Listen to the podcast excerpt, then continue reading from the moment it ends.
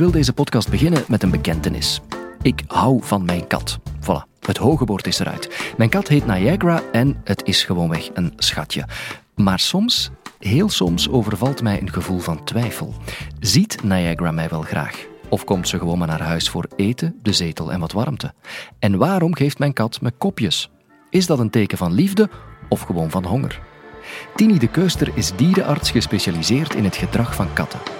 En professor de Keuster zal een antwoord proberen te geven op mijn prangende vraag: houdt mijn kat van mij?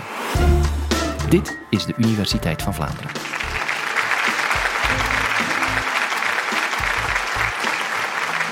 Onlangs kreeg ik een telefoon en de meneer aan de lijn die zei mij Mevrouw, bij u kan ik terecht voor een vraag over honden en katten. Hè? Ik zeg ja, natuurlijk, meneer.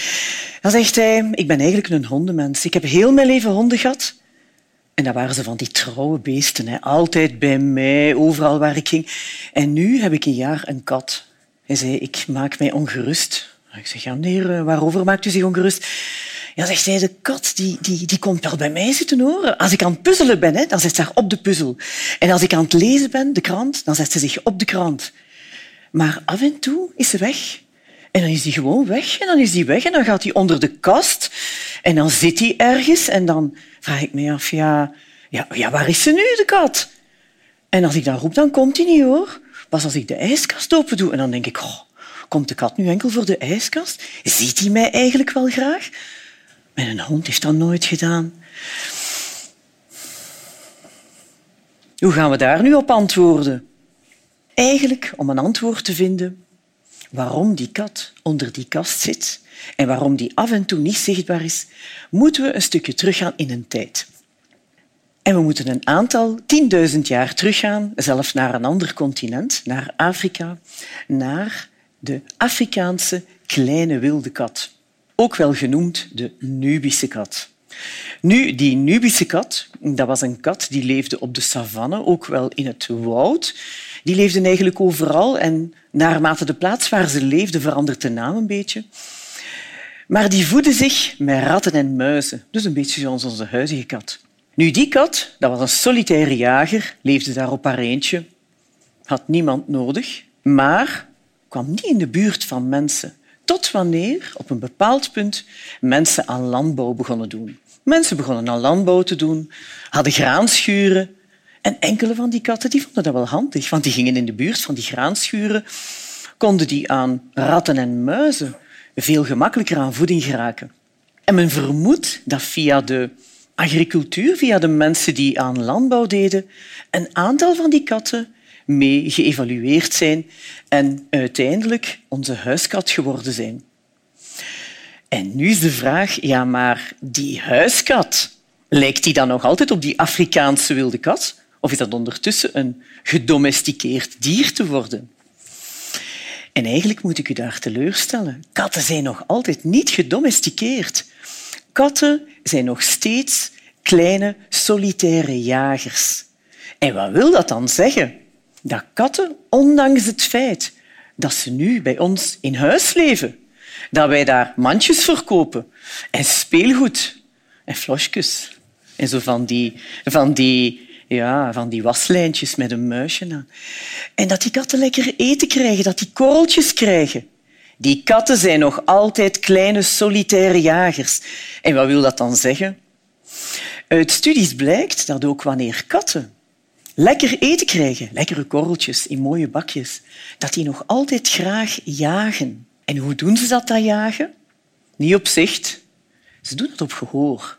Ze zitten daar, ze kunnen hun oren 180 graden draaien en ze luisteren naar de ultrasonegeluiden die knaagdieren voortbrengen.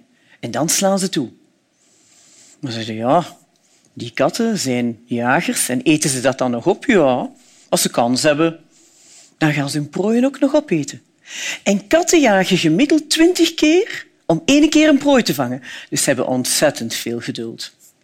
Dus in de evolutie, onze huiskat lijkt nog altijd heel veel op die Afrikaanse kleine wilde kat, is nog altijd een predator en gaat graag op jacht. En nu zie ik jullie denken, ja, maar als je nu een solitaire jager bent, ben je dan geïnteresseerd in soortgenoten, in sociale contacten? Nee. Nee. Als je een solitaire jager bent, dan ben je eigenlijk niet geïnteresseerd in onbekende contacten. Die heb je niet nodig, want jij laagt alleen. Je vangt je prooi helemaal alleen. En hoe gedraag je je dan sociaal? Je steekt je weg. Of je zorgt, wanneer er daar iemand op je komt afgeslopen, dat je snel weg kan. Of dat je een hoge rug opzet en dat je denkt, ja, misschien gaat die een andere nu wel weg. Dus katten hebben eigenlijk in hun communicatiesysteem heel veel signalen om te zeggen ga weg, want ik ken u niet. In de kattentaal, of in de diergeneeskunde noemen ze dat ook wel neofoob. Al wat ik niet ken, dat zie ik niet zitten. Maar soms gaat dat mis. Want soms, wij zijn hier, wij zijn nu niet meer in de savannen in Afrika, wij wonen hier in Vlaanderen. En soms komen katten toch met elkaar in contact. En hoe kan dat gebeuren? Ha ja, ik woon hier en jij woont daar en wij kijken naar elkaar. En deze vorm, oogcontact maken tussen katten die elkaar niet kennen, is eigenlijk al oorlog. En de kat zegt, oei, nu zit ik in de problemen, wat ga ik nu doen?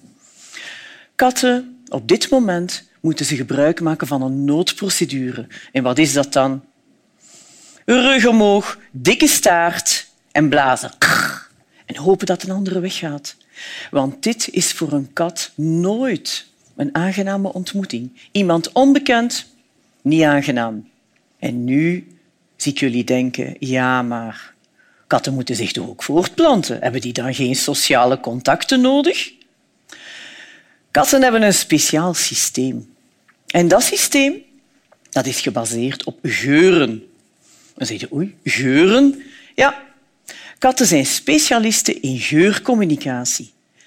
En je kan het vergelijken met een post-it.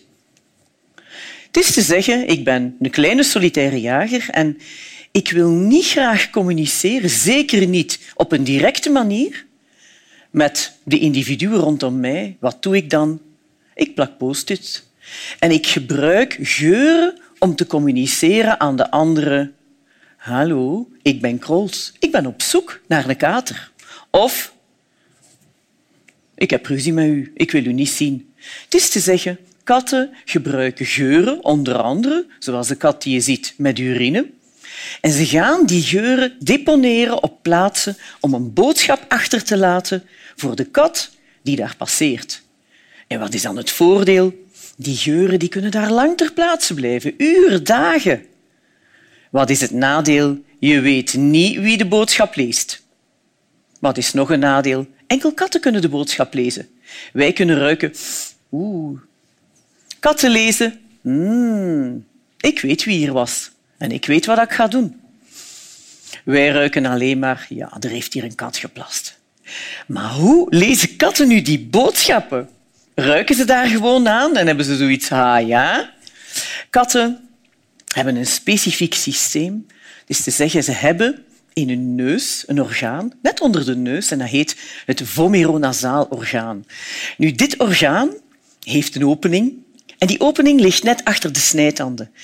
En wat doet de kat? De kat gaat naar de geurstof, opent zijn mond, ademt in en opent de kanalen. En de specifieke geurstoffen, de pheromonen, gaan in het kanaal binnen en gaan onmiddellijk naar de plaats in de hersenen waar ze moeten zijn en waar het signaal een betekenis krijgt. En die betekenis kan zijn voortplanting of conflict.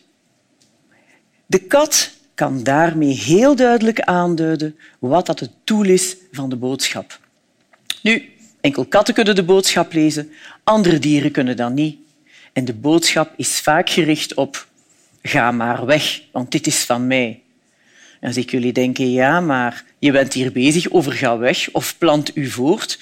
Maar hoe zit het dan eigenlijk met het gedrag van dit is mijn sociale groep? Hebben katten dan geen enkel sociaal leven?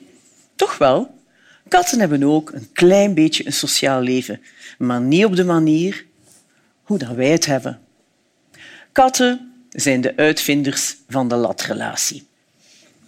Ja, katten zijn de uitvinders van de latrelatie. En hoe doen ze dat?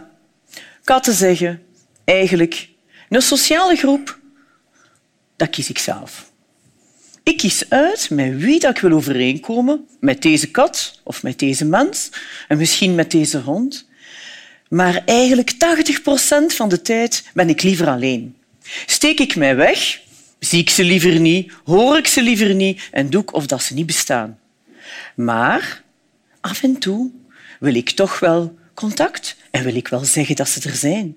Dan zeg je, ja, maar hoe doen ze dat dan? Doen ze dat ook met geuren? Ja, dat doen ze met fasciale pheromonen. Dus ze zeggen, de kat heeft op het lichaam, op de kop, aan de oorbasis, onder de kin, rond de mond, heeft de kat speciale klieren die producten afscheiden en dat noemen ze fasciale pheromonen.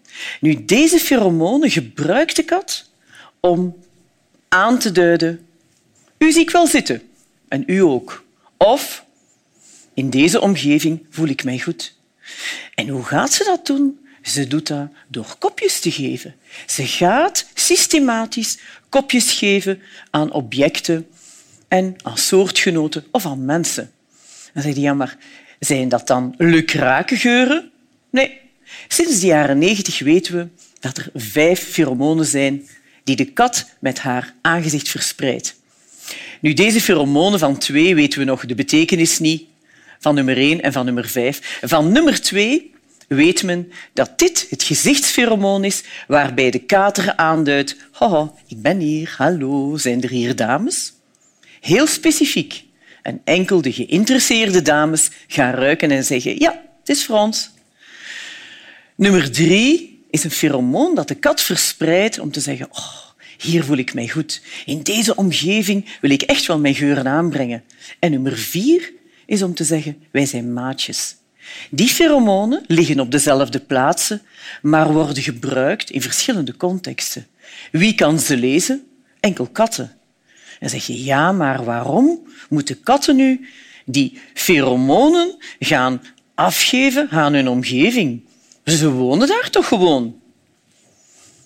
Denk eraan, katten leven in een latrelatie. En voor de kat is het zo dat ze alle dagen opnieuw moet kiezen. Alle dagen opnieuw moet kiezen van ah ja, hij zit daar te puzzelen. Nu ga ik hem eens kopjes, kopjes geven.